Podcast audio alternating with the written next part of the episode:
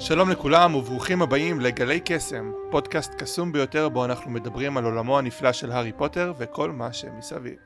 אני דניאל יוסף תנשמת לבנה עבדו, ואיתי באולפן, סתם לא באולפן, אבל איתי אה, דרך אה, דרכי קסם כאלה ואחרות, אה, חברים נוספים, אתם מוזמנים להציג את עצמכם. אוקיי, אז אני טל, טל עטיה, בלי איזשהו שם מגניב כמו של דניאל. זהו. אוקיי, נעים מאוד, אני חני זייבלד. אות מסדר מרלין דרגה ראשונה. דרגה ראשונה, לא סתם. מה לעשות?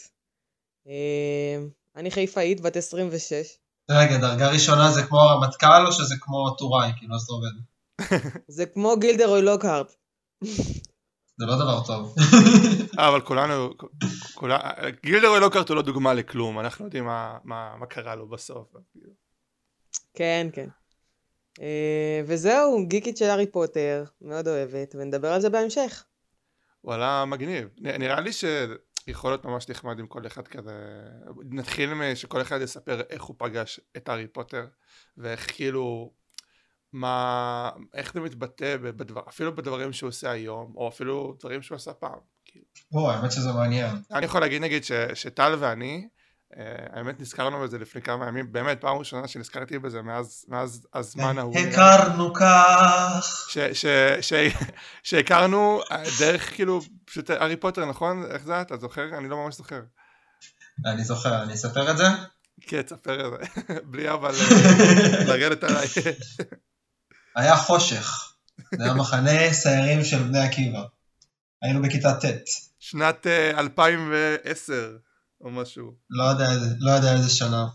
היינו בכיתה ט', בני 15, ישבנו קבוצה של אנשים בפאתי היער, חושך מוחלט, ערפל, והחלטנו שכל אחד שמדבר, כיוון שבאנו שם קבוצה של כמה אנשים, אז החלטנו שכל אחד שמדבר יאיר את, הפ... את עצמו עם פנס. אה, ואז הגיע תורי, והערתי את עצמי, וכאילו הייתי צריך להגיד מאיפה אני, אה, כאילו מאיפה, איזה סניף אני, ומשהו שאני אוהב, אז כמובן שציינתי שמה שאני אוהב זה הארי פוטר. פתאום, דמות מהצללים מזנקת עליי. אני לרגע חשבתי שזה היה סרסן או משהו, אבל לא היה קר, להפך, היה כל כך חם וכיף, ומחבק אותי. ואני פתאום רואה שבן אדם זר מחבק אותי ואומר, יא גבר, גם אני אוהב הארי פוטר. אה, ובגדול ככה אני ודניאל הכרנו. וואי, זה מסכם את הכל. דרך נהדרת להיכרות, אני חייבת לציין. וואי אחי, איזה מדהים. כן, וזהו, בגדול גם כל הקשר שלנו סוג של מוסד על אה, הארי פוטר, הוא אחר כך אה, הפכנו סתם לחברים גם, אבל uh, הוא לגמרי נוסד סביב, סביב זה, סביב הארי פוטר. קול. וואי, מדהים. ואיך כאילו, איך זה, איך זה כאילו, איך זה מתבטא האהבה שלך להארי פוטר? כאילו, קראת את הספרים, ראית את הסרטים? אז כמובן כשאני, לצורך העניין, אנגלית לא למדתי בבית ספר כמובן, אה, למדתי אחרי, וכמובן שהדרך, ה... בגלל שאני מכיר את העלילה הכתובה סוג של בעל פה, אה, אז אוטומטית לצורך העניין כשאני לומד שפות, אז זה הספר הראשון שאני אקנה. עכשיו גם איטלקית, אני התחלתי לקנות את הספרים של הארי פוטר, כי זה הספר הראשון שיהיה לי קל ללמוד. זאת אומרת, הדרך, הדרך אה, לאינטראקציה, לצורך העניין אינטראקציה כתובה עם שפה חדשה, שהיא האוטומטית הראשונה שאני אבחר. איפה זה עוד תופס אותי בחיים, אז כמובן אה, אני, אני סטודנט לעיצוב תעשייתי אה, בהדסה, וכמובן העבודות שלי, הרבה פעמים אני כזה עושה רפרנסים, אה, שגם אם זה רק אני מבין, זה רפרנסים לחלוטין מהארי פוטר, אני עושה בכללי עבודות שהן קשורות לזה, ואני חושב שבמובן מסוים, כל uh, הספרים הם השפיעו, זאת אומרת, מבחינה תפיסתית. אני זוכר שפעם קראתי, um, קראתי כתבה שעשו מחקר וראו שאנשים שקראו בצעירותם הארי פוטר הם uh, אנשים טובים יותר היום. Uh, ואני חד משמעית בן אדם טוב, אז כאילו זה כנראה מושפע מזה. uh, סתם. Uh, בגדול, שוב, זה כאילו, אני חושב שזה משהו שפשוט מעצב ובונה את, ה, את האישיות כולה. אז... Uh, כן, זהו, כאילו, זאת אומרת, איזשהו משהו, מכלול. משמעותי ביותר. כן, זה, זה ממש יפה. דניאל, איפה זה תופס אותך בחיים? אותי? וואי, קודם כל, אז כמו שטל אמר, זה בתור... אה, אוקיי, אני הולך להגיד פה דברים נוראים על עצמי בקטע הזה, אני בטוח שאתם וכל מי שיקשיב לפודקאסט הזה יהיה בהלם. אוקיי, אז, אז כאילו, נחשפתי להארי פוטר בעיקר מתוך השמינייה, שזאת סדרה שגדלתי עליה, ועכשיו גם יצא לי לעשות לה, כזה ראיתי, התחלתי לראות אותה עוד פעם וכאלה, אה, אז באמת גדלתי על זה אה, מתוך השמינייה. אה, עכשיו למה אמרתי שאתם תזדעזעו? כי בהתחלה הארי פוטר לא באמת היה כאילו משהו שלא קראתי את הספרים בצורה עקבית ו... אני כאילו, ההורים שלי כן קנו לי את הספר הראשון ויש לי אפילו הקדשה מאמא שלי והאמת שאפילו הזיכרון הראשון שלי אי פעם זה כאילו לפחות מסרט שראיתי זה שהלכתי עם אח שלי הגדול להקרנה של הסרט הראשון. כאילו אשכרה הייתי בקולנוע בסרט הראשון. שכאילו אני אפילו, אפילו זוכר את הסצנה של, ה, של הגובלין מגרינגוטס שכזה והאם למיסטר הארי פוטר יש את המפתח שלו? ונגיד את, את הלבנים בסמטת דייגון. אני זוכר את זה כאילו בקולנוע מטורף אבל זה לא, זה לא נתפס איתי בקטע של הייתי מכור לזה ופה מגיע הקטע שאמרתי שתכעסו עליי כשיצא הספר השביעי דבר ראשון שעשיתי היה להיכנס לוויקיפדיה ולקרוא ברשימה, כמו ברשימת מכולת, את כל הדמויות שמתו. ברמה כזאת. אתה איש נורא ואיום. אני, אני, אני מודה ממש. באשמה. אני מודה באשמה, אבל היום בחיים לא הייתי עושה את זה. מי עושה דבר כזה? אני לא יודע, אני גם לא... זה לא ממש עניין אותי ברמה של... וואי, אין מצב שאני... זה לא בקטע של להתאפק, אני לא יכול להתאפק לקרוא את זה, זה היה בקטע של... וואי, כאילו, מה... אני, אני חייב לדעת. למרות שזה לא... אבל בשנים שלאחר מכן, זה אהבה גדלה וגדלה וגדלה ובאמת אה, קראתי את הספרים וראיתי את הסרטים ואני ממש אוהב את העולם, ה, העולם הוויזואלי של הסרטים הרבה, אני יודע יש הרבה פורומים והרבה קבוצות בפייסבוק של אנשים שלא אוהבים את הסרטים כי הם לא משקפים את הספרים אותו דבר. כי ברור כי בעיבוד לקולנוע אנחנו בטח נדבר על זה מלא בפודקאסט בהשוואות. אנחנו נדבר גם על זה כן. שתמיד אתה, אתה מאבד חלק מהספר אבל אי אפשר באמת להכניס ספר שלם לסרט.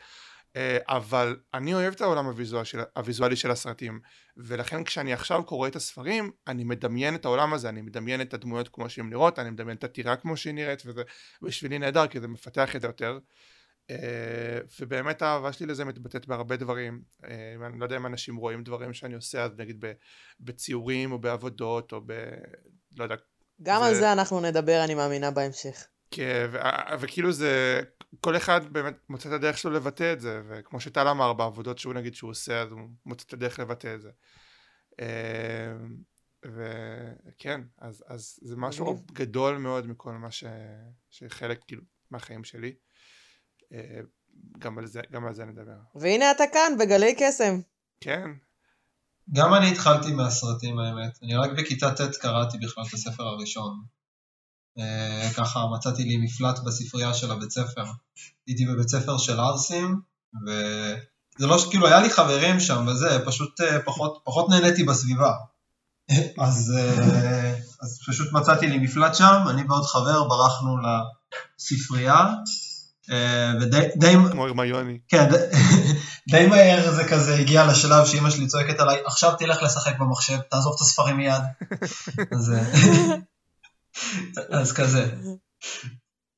אני, מרגיש, אני חושבת שיש אה, ילדים שמרגישים אה, ככה קצת הארי בעולם האמיתי, אה, בזה שהם לא חלק מהחברה והם הם סוג של, לא, אני לא אגיד ילדי שוליים, אבל הם לא מוצאים עניין בכל מה שהאחרים הם, הם מוצאים, והם ככה נשאבים לתוך העולם של הארי פוטר ואומרים, היי, אני כמוהו, אני קצת, אולי זה נותן להם להרגיש טיפה יותר מיוחדים, אני חושבת שזה מגניב מאוד. חני, בואי תספרי לנו איך, איך הגעת uh, להארי פוטר. אוקיי, okay, אז אני...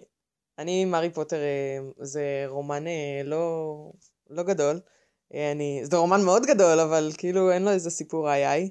Uh, אני בכיתה, בכיתה ז' או ח'. Uh, נתחיל בזה שראיתי את, הסרטים 1 ו-2 בתור ילדה, ואתה יודע, לא מקדישים כל כך מחשבה. כאילו, נחמד, עוד סרט. ואז אה, כשהייתי בכיתה ז' או ח', אה, אה, השאלתי מחברה את הארי פוטר 5, שהוא מסדר עוף החול, שזה, ב, שזה גם הספר שאני הכי אוהבת מכל הספרים. ולא, אצלנו בבית לא כל כך קראו ספרות חילונית, וישבתי בלילות, קראתי אותו, סיימתי אותו תוך איזה יומיים, וזה ספר עבה, ולא הייתי כל כך אני ילדת קשב וריכוז, אז לשבת ולקרוא כל כך הרבה, באמת, סיימתי אותו תוך יומיים, אה, ככה בלילה, ב- בלילה מתחת לכרית.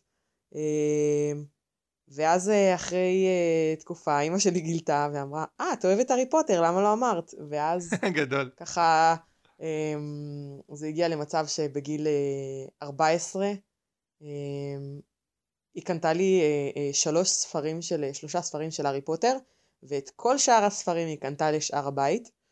עכשיו, הם כל כך בלו מרוב, שח... כאילו, הם נשחקו מרוב קריאה, כל האחים שלי התחילו לקרוא בזה, ואנחנו, באמת, קראתי הארי פוטר עשרות אם לא מאות פעמים. אה, באיזשהו שלב, בגלל שהם כבר התפוררו, אימא שלי זרקה אותם.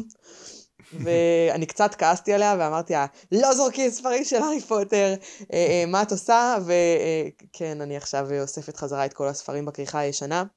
אז למי שיש ספר אה, אה, בכריכה ישנה מוזמן להביא לי.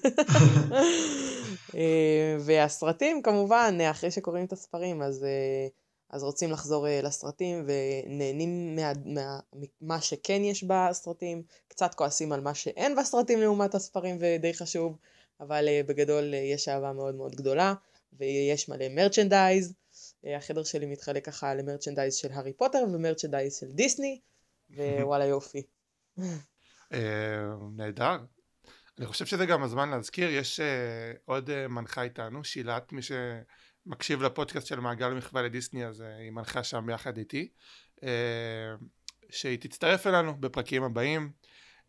גם אנחנו, אנחנו נהיה ארבעה מנחים וכזה, לפעמים בטח הכעס טיפה ישתנה, מי שיכול באותו יום, אבל אני מאמין שבעזרת השם אנחנו נעשה את המסע הזה ביחד בצורה טובה. ווואי זה, זה לדעתי ממש כאילו מרגש כי נגיד יוצא לי, יוצא לי בהקראים מדי פעם גם כשאני כזה גם לא יודע בשבתות או בכאלה פשוט אם אין לי משהו לעשות או משהו לקרוא אני פשוט פותח ספר של הארי פוטר. ו... בול.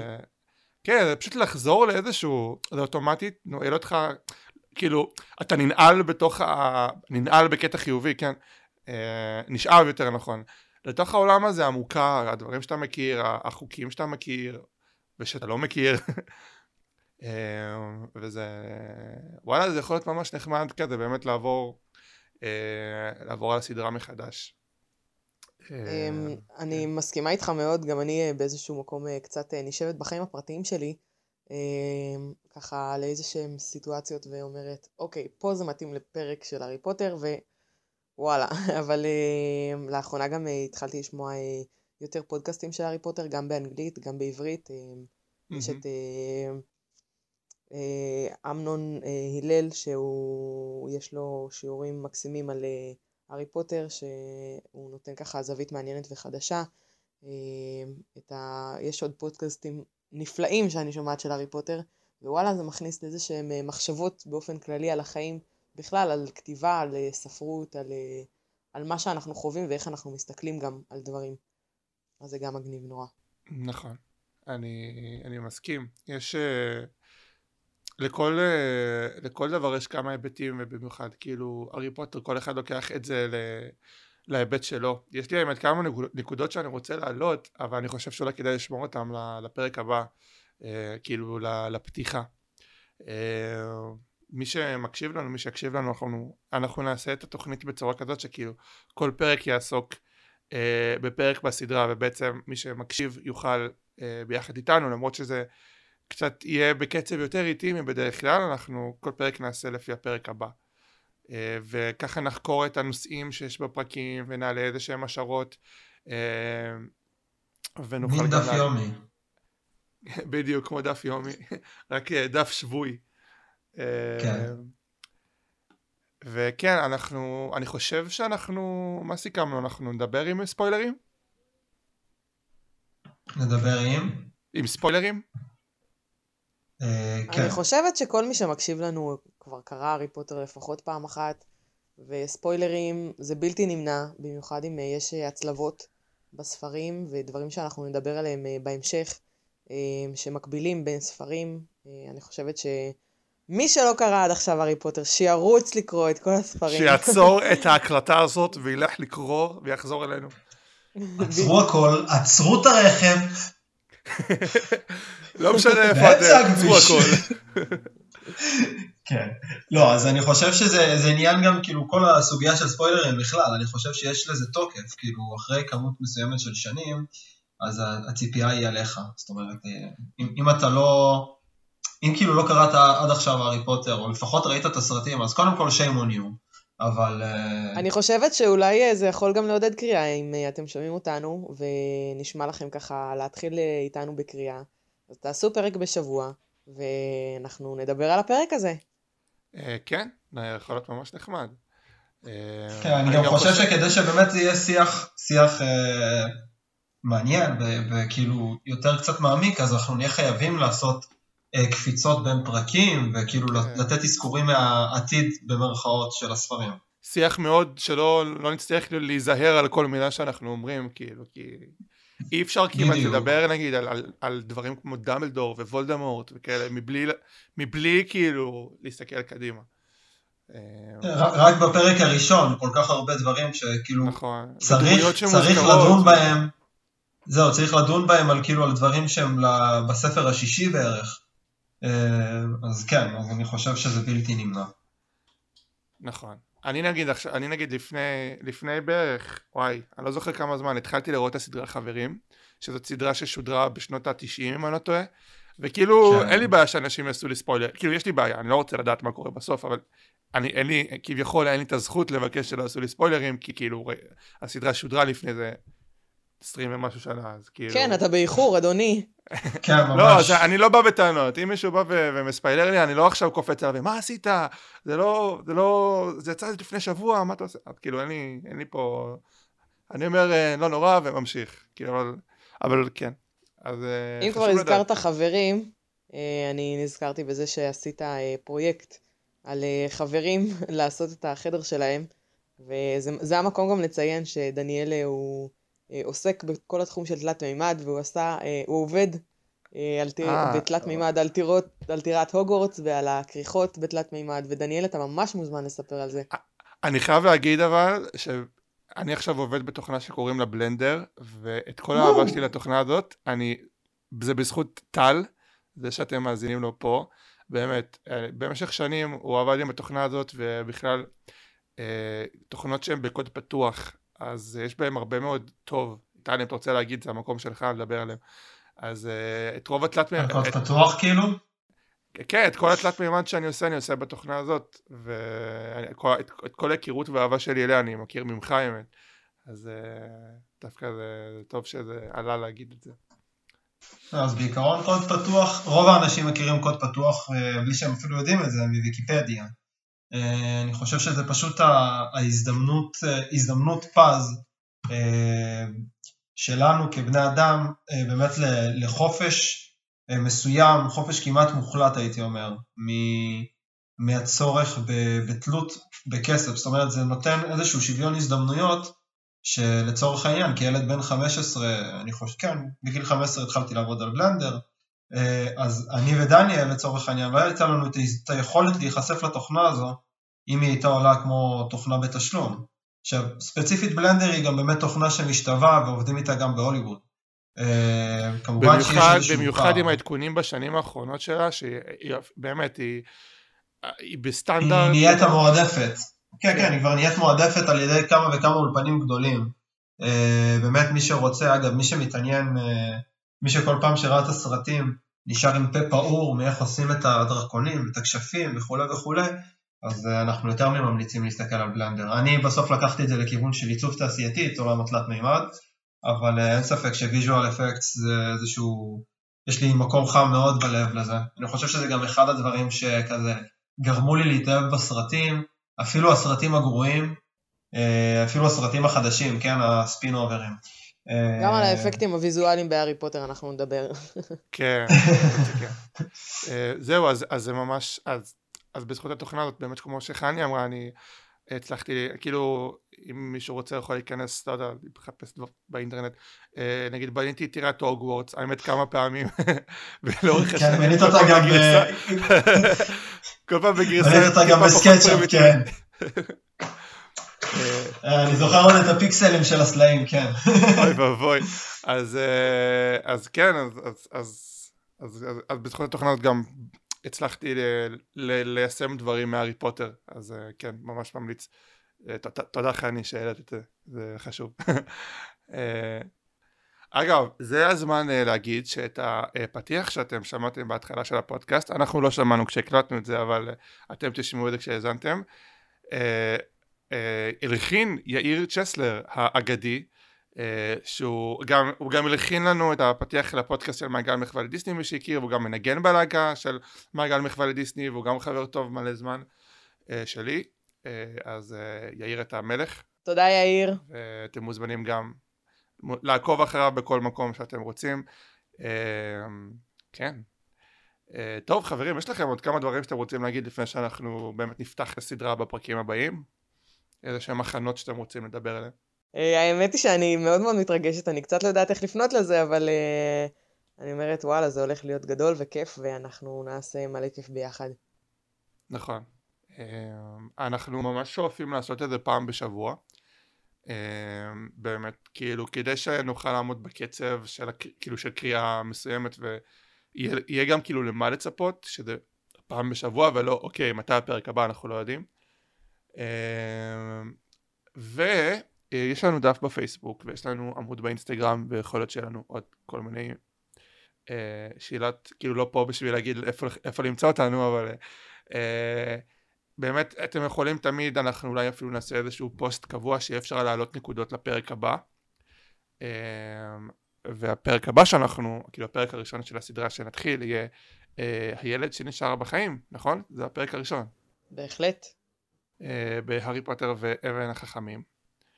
אה, שאגב זה ספר שהוא הוא נורא, הוא נורא, יש בו משהו נורא תמים, הוא גם נורא קצר, כאילו אני מסתכל על הספר הזה והוא נורא קצר ואני מסתכל אפילו על רשימת פרקים שלו וזה נורא, אתה נורא יכול לראות את ההתקדמות, אוקיי, זה פרק, זה כאילו כל מה שקורה לפני אה, שהוא בהוגוורטס, זה, ה, זה הפרקים שהוא בהוגוורטס, והפרקים שהוא בהוגוורטס הם נורא קצרים, כאילו אתה רואה, אתה יכול לראות את החלוקה שלהם.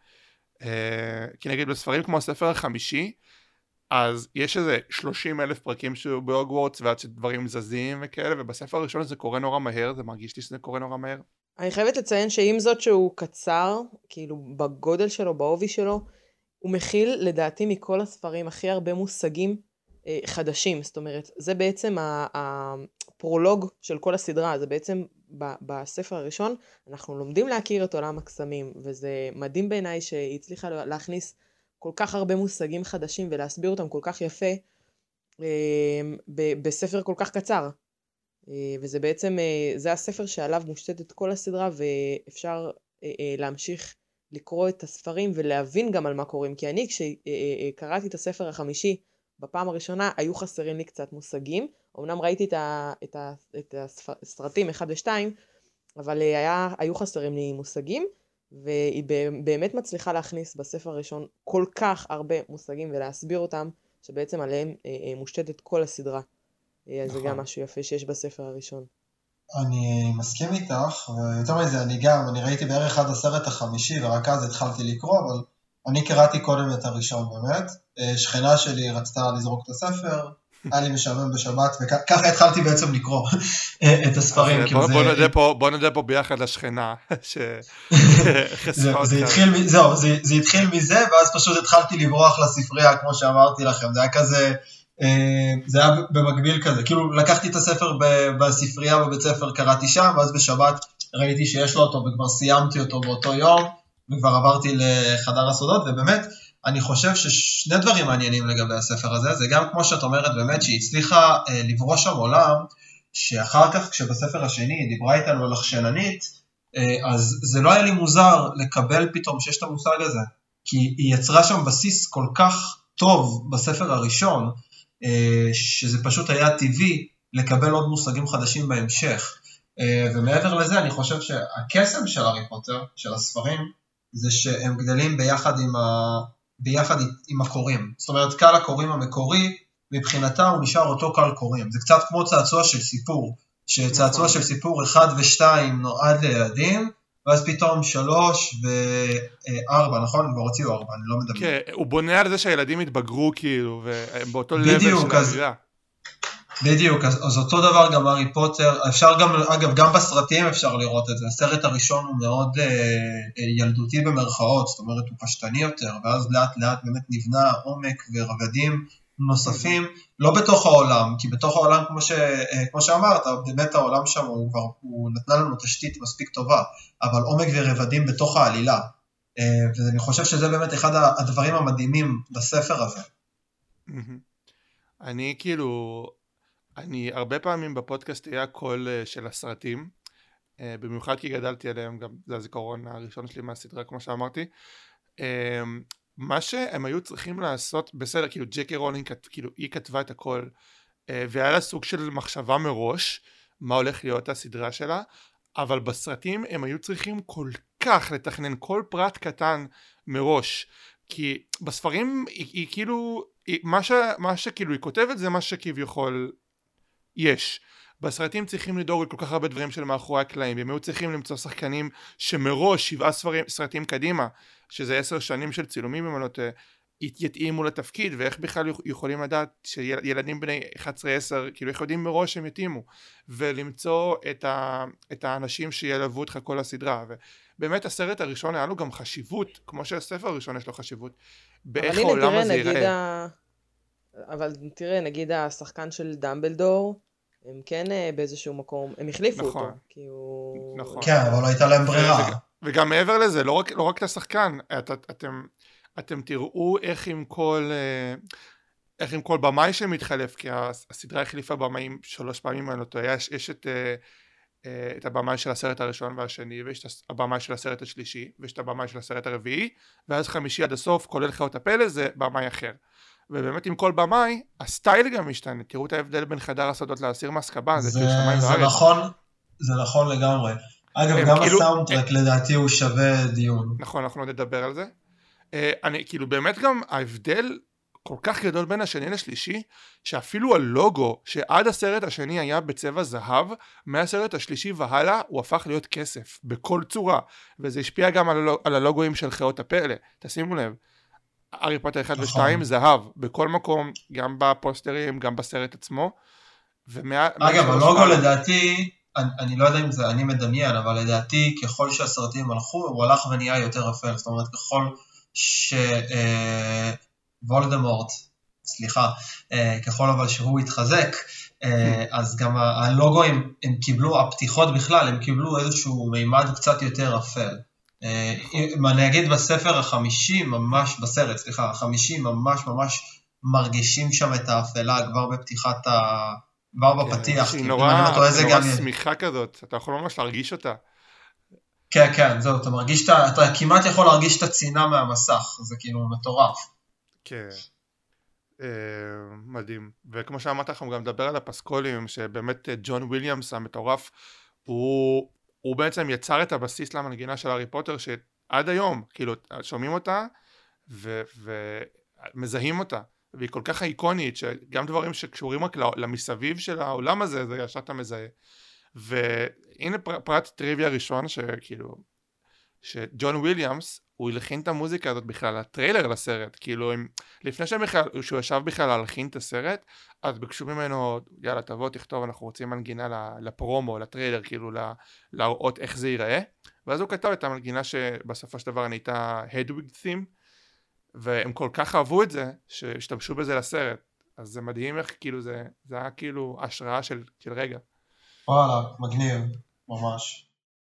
האמת שזה המנגינה הראשונה שאני לומד, אה, על כל כלי נגינה שאני בוחר ללמוד, זה המנגינה הראשונה שאני אה, מנגן.